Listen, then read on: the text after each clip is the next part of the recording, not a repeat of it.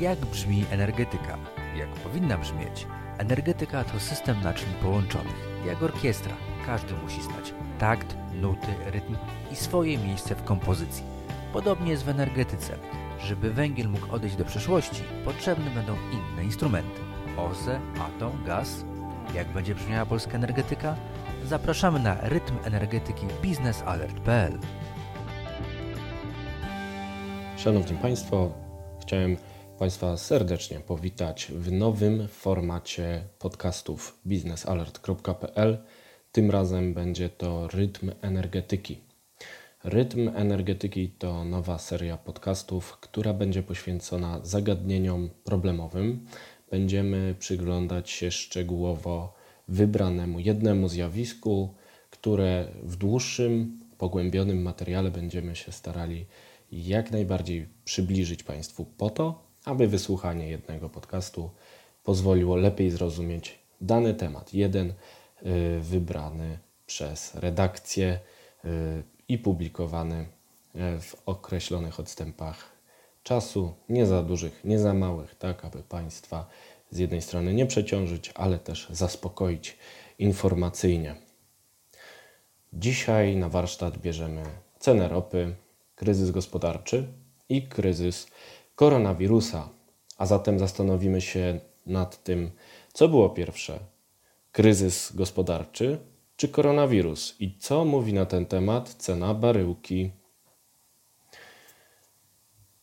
Epidemia koronawirusa faktycznie sugeruje, że będziemy mieli do czynienia z kryzysem gospodarczym. Czy jednak jest tak, że to właśnie epidemia zamieniająca się w pandemię, kolejne zarażenia powodują, że gospodarka zaczyna zwalniać? A no niekoniecznie. Okazuje się, że przecież kryzys gospodarczy wisiał w powietrzu już od kilku lat. Spójrzmy na dane. Niestety nie mogą Państwo zobaczyć wykresów, które mam przed oczami, ale postaram się je krótko opisać. Spójrzmy razem na wyniki gospodarcze trzech największych gospodarek na świecie, a przynajmniej najważniejszych z punktu widzenia naszej analizy. Zerknijmy najpierw na wzrost produktu krajowego brutto w Niemczech.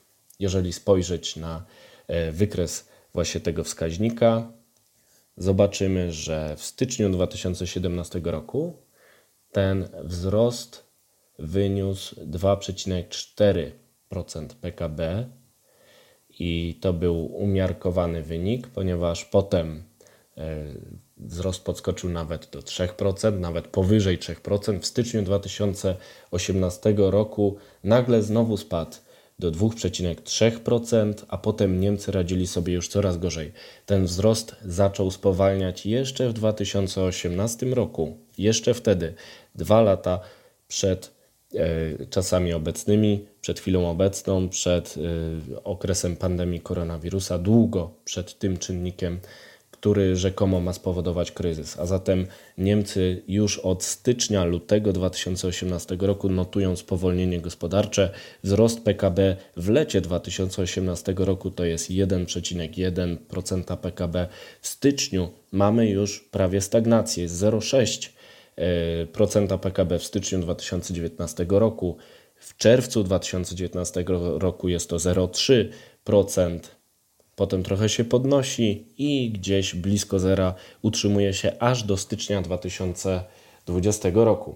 A zatem w Niemczech spowolnienie gospodarcze było widoczne już co najmniej dwa lata temu i y, koronawirus może jedynie pogorszyć sytuację, ale nie jest powodem złej sytuacji w niemieckiej gospodarce. Nasz partner transatlantycki, czyli Stany Zjednoczone, notuje lepsze wyniki wzrostu PKB niż Niemcy. E, znowu w styczniu 2017 było to 2,3% PKB, podobnie jak w Niemczech, ale potem następuje przyspieszenie. W wakacje 2017 roku to jest nawet 3,5% PKB, zimą lekki spadek 2,5%, potem latem 2018 roku wzrost 3,5% PKB i zimą 2018-2019 3,1% PKB i wtedy, znowu w styczniu 2019 roku, widać spowolnienie W czerwcu już mamy 2% wzrostu PKB, potem jest to niewiele ponad 2%. Na tym poziomie do stycznia 2020 roku utrzymuje się wzrost produktu krajowego brutto w Stanach Zjednoczonych, wróżąc delikatne spowolnienie, nie tak znaczne jak w Niemczech, ale jednak spowolnienie o około 1-1,5% PKB. Warto tutaj na marginesie nadmienić, że Amerykanie mają jeden solidny motor wzrostu gospodarczego, czyli na przykład rewolucję łupkową, która powoduje, że Amerykanie zamieniają się z importera w eksportera węglowodorów. Na tym między innymi zarabiają, mają bardzo silny sektor wysokich technologii. Być może to on pozwala im osiągać takie dobre wyniki pomimo spowolnienia w innych częściach świata, ale to spowolnienie jest widoczne także w Stanach Zjednoczonych. A co dzieje się w Chinach? Patrzymy na Chiny. Proszę Państwa, niestety nie mogą Państwo zobaczyć y, tego wykresu, ale on jest chyba najbardziej spektakularny z tych, którym się przyglądamy razem.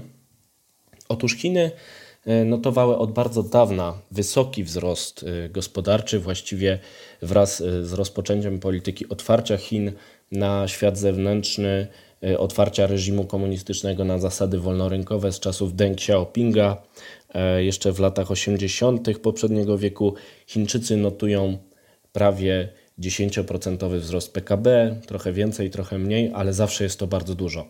No i w styczniu 2017 zanotowały wzrost 7% PKB. To jest bardzo dużo, dużo więcej niż w Niemczech czy w Stanach Zjednoczonych, ale jak na Chiny wcale nie tak dużo. I co dzieje się dalej? E, w wakacje 2017 roku dalej jesteśmy blisko 7% e, wzrostu PKB. E, zimą 2017-18 to jest 6,8.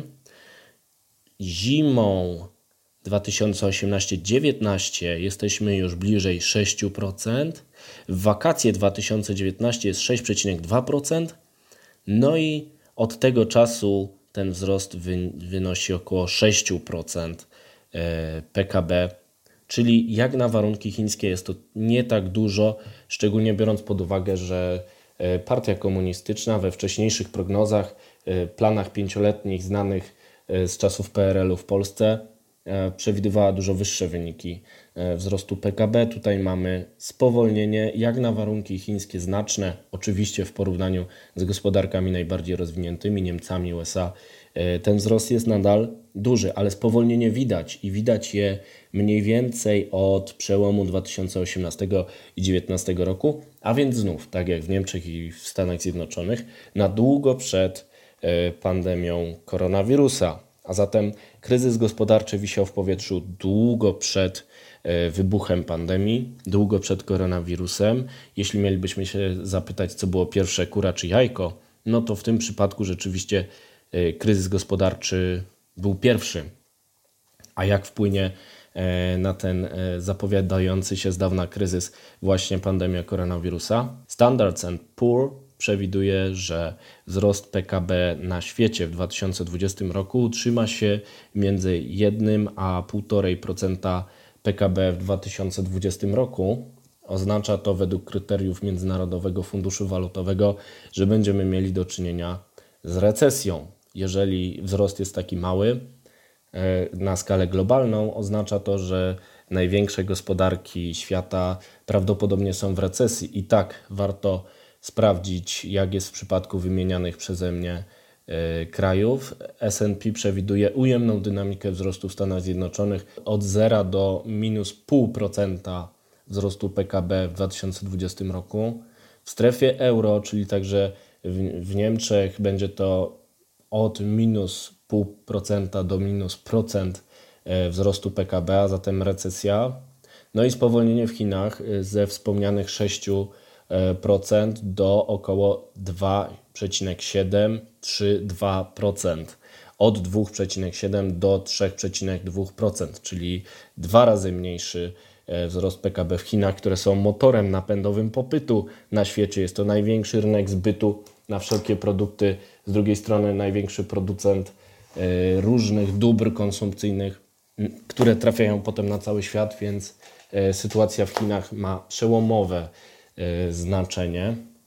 Warto przypomnieć, że ostatni raz globalny wzrost PKB na świecie zwolnił poniżej 2,5% w czasie kryzysu finansowego w 2009 roku. Więc jeżeli przewidywania Standard Poor się potwierdzą, będziemy mieli nowy kryzys finansowy i e, należy się spodziewać spowolnienia gospodarczego na całym świecie.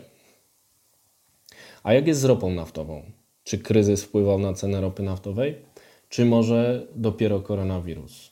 Odpowiedź znowu znajdziemy w wykresach, których znowu nie mogę Państwu pokazać. Natomiast spróbuję opisać to, co widzę e, w ostatnim roku, jeśli chodzi o cenę baryłki. Otóż ta cena spada stabilnie od początku roku co najmniej. Nie od ostatniego miesiąca, kiedy mamy e, rzeczywistą depresję na rynku ropy. Ten spadek nastąpił wcześniej, to znaczy on się zaczął dużo wcześniej, teraz jest dramatyczny, wcześniej był powolny. Oto dlaczego. E, proszę Państwa, ropa to jest towar, którego cena wynika m.in. z popytu i podaży.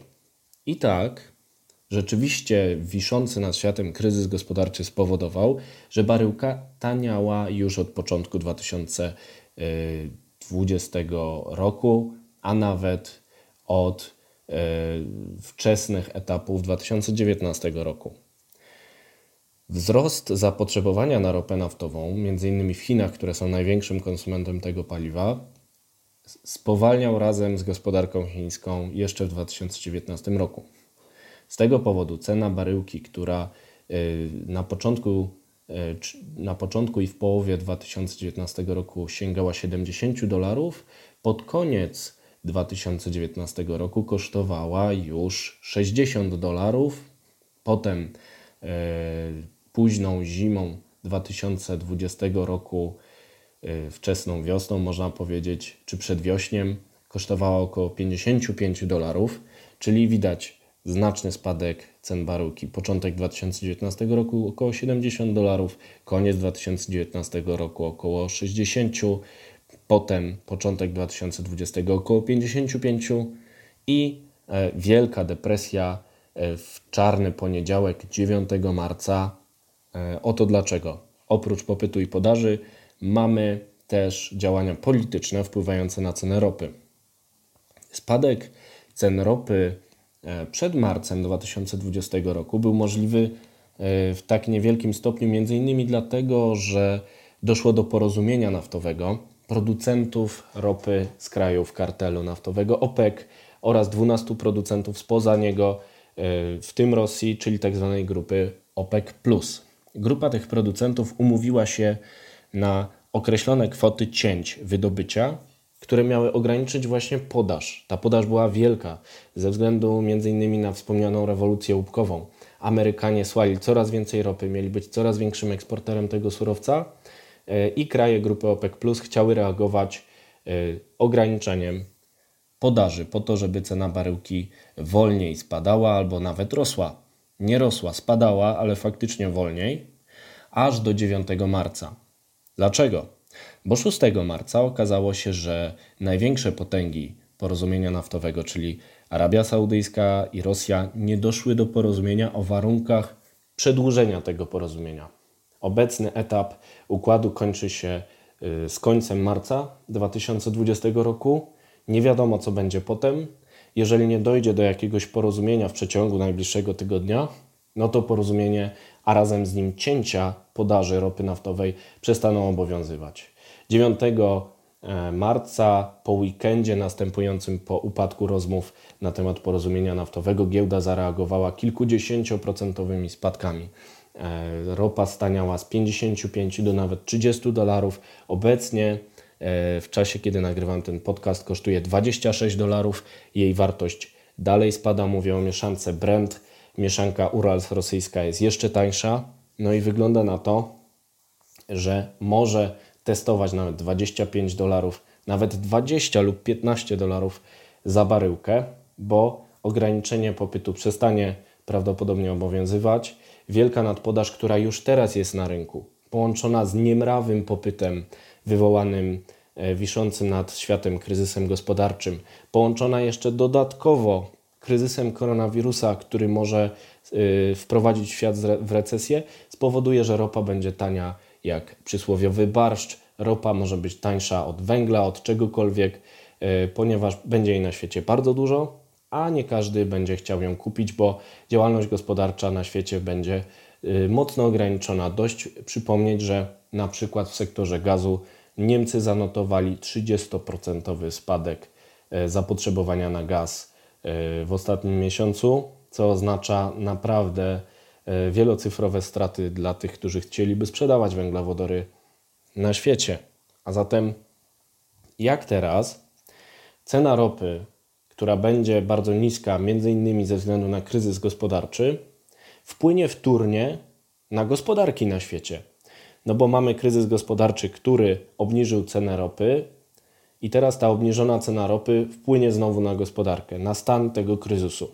A będzie wpływać różnie. Znowu należy wrócić do e, wykresów e, Standards and Poor. E, oni dzielą producentów i importerów ropy na te, na te dwie grupy. Właśnie mamy producentów, którzy stracą na spadku cen ropy i importerów, którzy mogą na tym spadku zyskać. Dla eksporterów ropy, takich jak Arabia Saudyjska czy Rosja, jest to ważne ryzyko budżetowe. Warto przypomnieć, że Rosjanie zaplanowali sobie budżet na e, ten rok e, uzależniony od ceny ropy Urals na poziomie 42,4 dolarów za baryłkę. Ta kosztuje około 20 dolarów obecnie, a zatem będą musiały nastąpić cięcia czy też subsydiowanie gospodarki z Funduszu Bogactwa Narodowego. Rosjanie według swych deklaracji są w stanie to robić nawet przez 6 lat. Rzeczywiście mają wielkie rezerwy z tłustych lat, które mogą wykorzystać w tym celu, ale jednak y, do tego, jeśli zostaną doświadczeni kryzysem wywołanym przez koronawirusa, może być krucho.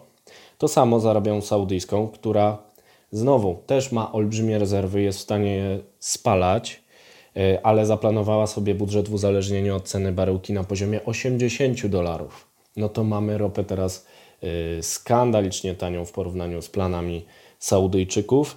E, zobaczymy, jak sobie poradzą. Dodatkowo doświadczeni jeszcze pandemią koronawirusa.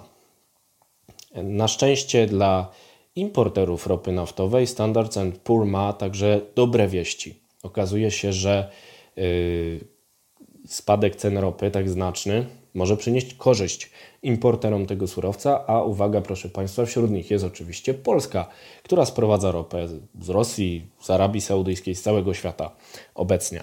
Standard Poor e, wierzy, że e, tak niska cena ropy może dać premię do wzrostu gospodarczego e, w krajach importujących ropę jak Polska nawet o plus 1-2% PKB, a to się może przydać, ponieważ Polska też będzie doświadczony, doświadczona e, kryzysem koronawirusa. Nasza gospodar gospodarka także będzie zwalniać. I jeśli spojrzymy na ostatni wykres, który chciałem Państwu opisać, e, no właśnie e, dotyczący sytuacji w Polsce, no to nasza gospodarka, która radzi sobie relatywnie nieźle, także zwalnia i także zwalniała jeszcze przed kryzysem wywołanym przez koronawirusa. To znaczy w styczniu 2017 roku mieliśmy 1,1% e, wzrostu PKB, w styczniu 2018 1,6%, w styczniu 2019 0,7%, a w styczniu 2020 już 0,3% PKB e, wzrostu. Proszę Państwa, oznacza to, że także w Polsce kryzys gospodarczy wisiał w powietrzu jeszcze przed e, epidemią, pandemią koronawirusa i ta pandemia tylko nas, mówiąc kolokwialnie, dobije. Dlatego super tania cena ropy naftowej będzie kołem ratunkowym dla naszej gospodarki. Jeżeli wejdziemy w recesję, no to e, każdy dodatkowy procent wzrostu PKB się przyda. Być może odczujemy ten problem mniej. No i wracając do tytułowego pytania, co było pierwsze? Kryzys czy koronawirus? I co mówi nam o tym cena baryłki? Zdecydowanie można odpowiedzieć, że pierwszy był kryzys. Może nie już e, na miejscu, może ten kryzys nie był pierwszy rzeczywiście już w gospodarkach, ale w prognozach był on widoczny i w pierwszych wynikach widać było, jeśli nie kryzys, to jego zapowiedź. To było pierwsze przed kryzysem społecznym wywołanym przez koronawirusa. No i ten koronawirus, który był później, może tylko pogorszyć sytuację. Natomiast cena baryłki może sprzyjać niektórym krajom, które importują ropę, tak jak Polska, e, które mogą mieć jakieś wytchnienie e, z tytułu tej super taniej ceny baryłki. To wszystko w dzisiejszym rytmie energetyki. Już niedługo zaprezentujemy Państwu kolejny podcast, którym dogłębnie przyjrzymy się następnemu ciekawemu tematowi z sektora energetycznego. Dziękuję bardzo.